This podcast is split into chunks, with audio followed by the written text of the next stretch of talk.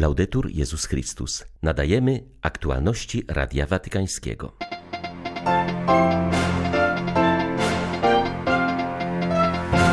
Pamiętajmy, że jest to podróż pokutna, powiedział papież Franciszek w drodze do Kanady. Rozpoczęta dziś sześciodniowa pielgrzymka ma na celu spotkanie z rdzennymi mieszkańcami tego kraju i kontynuowanie drogi pojednania i uzdrowienia. Wzmaga się głód na świecie. Bez odpowiedniej pomocy 8 milionom dzieci grozi śmierć z powodu niedożywienia.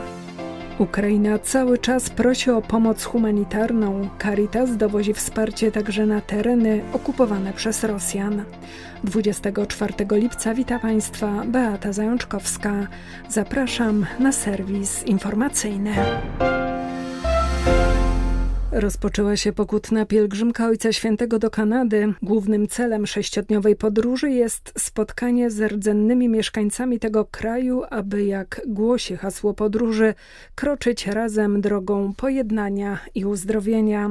Franciszek jest drugim papieżem odwiedzającym ten kraj. Trzy razy był tam święty Jan Paweł II, ostatnio dokładnie 20 lat temu. E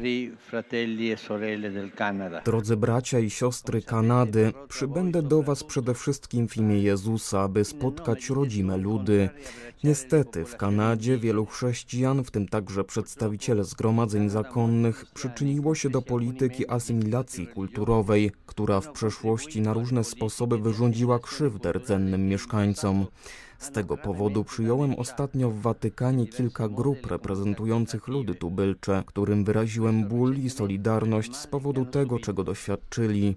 A teraz zamierzam odbyć pielgrzymkę pokutną, która, mam nadzieję, z łaską Bożą przyczyni się do drogi uzdrowienia i pojednania, która już została zainicjowana. Przewodniczący kanadyjskiego episkopatu podkreśla, że sercem tej pielgrzymki jest pojednanie i uzdrowienie. Biskup Raymond Poisson wskazuje, że ważne jest, iż zainicjowany proces pojednania cały czas jest kontynuowany. Ta historyczna pielgrzymka wpisuje się w serię gestów zainicjowanych przez kanadyjskich biskupów, by budować klimat pojednania z naszymi braćmi i siostrami należącymi do rdzennej ludności. Szkoły rezydencjalne to mroczny okres historii Kanady. Z całą kwestią ich kultury, szacunku do tej kultury, a nawet do naszego kraju, bo to były przecież pierwsze narody, które zamieszkiwały naszą ziemię. Najpierw prowadziliśmy spotkania z różnymi grupami w terenie, potem zacząłem rozmawiać z Ojcem Świętym o możliwości przyjazdu ich delegacji do Watykanu, co z poślizgiem wywołanym pandemią udało się zrealizować wiosną tego roku. W spotkaniu wzięło udział ponad 150 osób. To był ważny gest pojednania. Papież wysłuchał ich świadectw, a następnie w jedności z nami, biskupami, przeprosił za nadużycia, których dopuścili się ludzie Kościoła w tym okresie historii. Teraz jest papieska podróż, która jest kolejnym znakiem. To bardziej konkretny gest pojednania niż przeprosin. To ważne, że papież po prostu będzie wśród nas. Dla rdzennej ludności fakt, że papież odwiedza ich na należącej do nich ziemi ma symboliczne znaczenie. Franciszek prowadzi Kościół w kierunku dostrzegania najmniejszych i pokrzywdzonych. To dobry kierunek, uważa ksiądz Nameka Ali, pracujący wśród kanadyjskich Indian. Wielu z nich to wychowankowie szkół rezydencjalnych lub ich potomkowie. Jak zauważa Oblat, większość placówek, w których rdzenna ludność doświadczała kulturowej asymilacji, była administrowana przez Kościół katolicki. Głównym celem tej pielgrzymki jest więc kontynuacja procesu uzdrowienia i pojednania. Bardzo cieszę się z tego, że Franciszek przybył przybywa do Kanady. Mam wrażenie, że rozumie ból rdzennych ludów i potrafi ich wysłuchać, mówi ksiądz Ali. Pojednanie jest procesem, nie pojedynczym aktem. To jest więc zaledwie początek całego procesu. Kiedy zrobiłeś komuś coś złego, przychodzisz do niego i mówisz przepraszam, to oczywiście jest bardzo ważne, wiele zmienia, ale nie naprawia całej krzywdy. Bywa, że przeżycia są za silne, trauma zbyt głęboka i potrzeba wielu miesięcy, a czasem lat, aby uzdrowić zranienie. W tym przypadku o tym, w jaki sposób przebiegnie ten proces uzdrowienia, zdecydujemy także my, wspólnota wierzących, postawa całego Kościoła. Jednak ten moment, kiedy na ziemi zranionych staje sam papież i prosi o wybaczenie, jest kluczowy dla rozpoczęcia tego procesu. Odtąd możemy wspólnie kroczyć jako pielgrzymi, na nowo odkrywać swoją jedność. Ponieważ kiedyś wystąpiliśmy przeciwko ich kulturze, obecnie musimy iść razem z nimi, pomagać im odnajdywać swoją tożsamość, reprezentować taki Kościół powszechny, który mogą pokochać. Jednym ze sposobów, w jaki można to osiągnąć, jest po prostu słuchanie. Papież chce ich słuchać i umie to robić. Tym, co obecnie powinien robić Kościół, to naśladować Franciszka w słuchaniu, gdy pokrzywdzeni opowiadają swoją historię, przekazują traumę i iść razem z nimi ku uzdrowieniu. W mozaice kanadyjskiego społeczeństwa jest prawie półtora miliona osób pochodzenia ukraińskiego. Ich obecność w kraju klonowego liścia sięga końca XX wieku. Kościół ukraiński w Kanadzie składa się z około 100 tysięcy wiernych. Znamy nawzajem nasze historie szkół rezydencjalnych i wielkiego głodu, mówi biskup David Mutiuk, ordynariusz ukraińskiej eparchii Edmonton. Zapytany o relacje między Ukraińcami a tubylczymi mieszkańcami w tym mieście, gdzie ich populacja jest znacząca, Biskup Motiuk zaznaczył, że już u początków obecności w Kanadzie przed 130 laty Ukraińcy otrzymali od nich pomoc w osiedlaniu się i przetrwaniu ciężkich zim. Dzisiaj obie społeczności także są blisko siebie. To będzie inna pielgrzymka niż ta Jana Pawła II z lat 80. On odwiedzał niemal każde miasteczko i wioskę.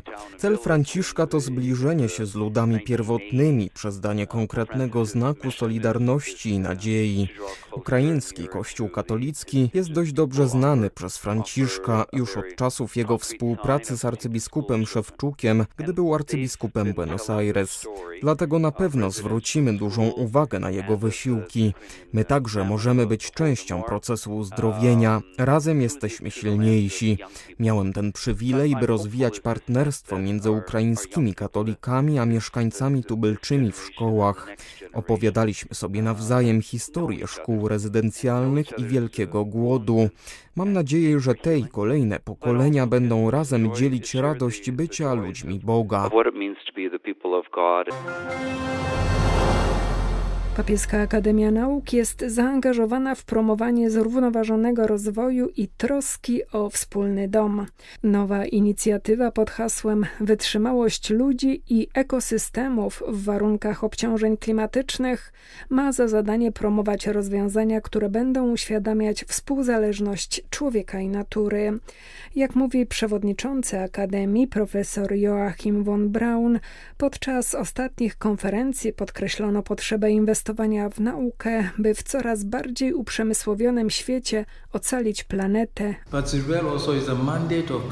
Wzajemne połączenie człowieka i natury jest coraz bardziej widoczne. Natura nie tylko nam służy, ale udziela nam mandatu, byśmy się o nią troszczyli i słuchali głosu jej najsłabszych kustoszy.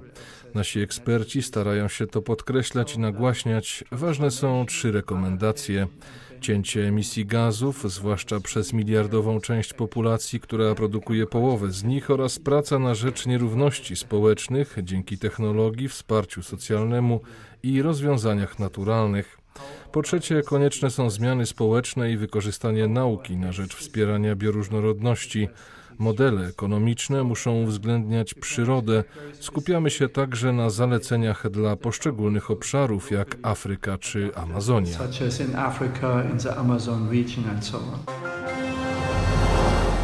Region afrykańskich Wielkich Jezior pilnie potrzebuje pokoju. Trwające latami destabilizacja i brak bezpieczeństwa generują ubóstwo, masową migrację i wcielanie młodych ludzi do grup rebelianckich.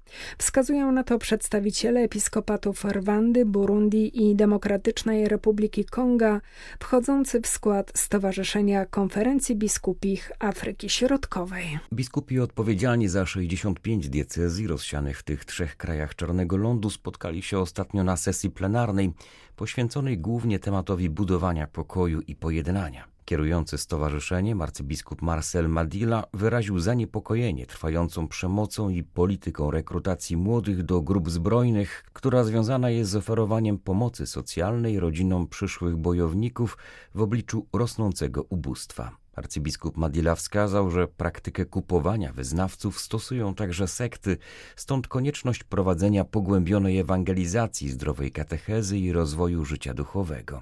Zauważył, że powracająca destabilizacja znacząco osłabia rodziny, które są rdzeniem społeczeństwa afrykańskiego.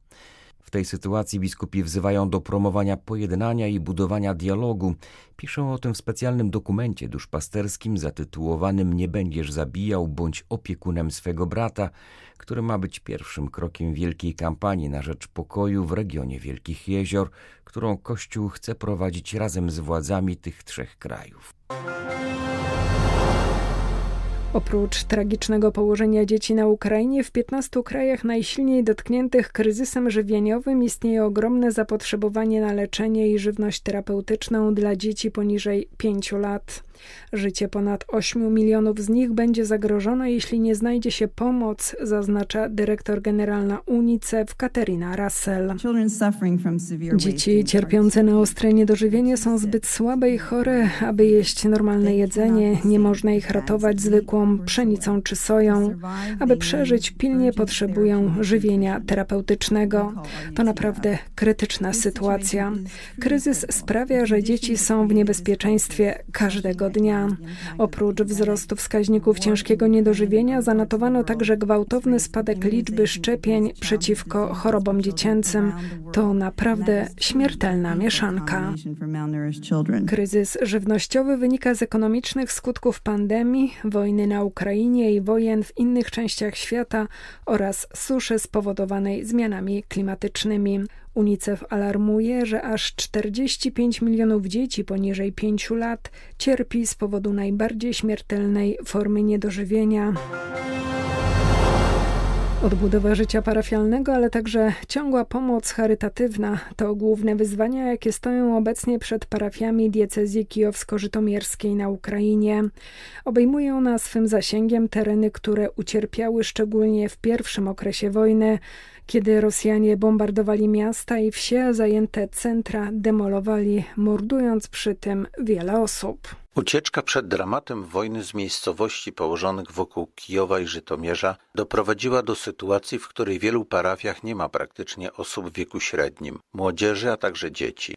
Zmusiło to niektórych duszpasterzy do odwołania zajęć katechetycznych, przygotowania do pierwszej komunii czy do ślubów. Mówię o tych miejscowościach, które były bombardowane albo były otoczone. Ordynariusz diecezji kijowsko-żytomierskiej, biskup Witalij Krywicki. Oczywiście parafie już nieco inaczej wyglądają, jest y, o wiele mniej ludzi, ale z drugiej strony trzeba powiedzieć, że do niektórych parafii, które bardzo aktywno prowadziły swoją misję też charytatywną, to też na przykład jest y, sporo ludzi, którzy kiedyś nie chodzili do kościoła, ale którzy teraz tak się zbliżyli z parafią, też co niektórzy zaczęli chodzić do naszych kościołów. Też mamy wyzwanie dojeżdżania do tych miejscowości, które zostały dotknięte wojną, gdzie powracają też ludzie, tam gdzie sytuacja humanitarna jest naprawdę trudną. Organizacje charytatywne Caritas starają się dojeżdżać tam, aby pomóc tym ludziom. Pomoc humanitarna jest w tych miejscach wciąż konieczna. Ludzie co prawda przystąpili do odbudowy swoich domów, ale ogrom zniszczeń był tak duży, że proces ten wciąż trwa.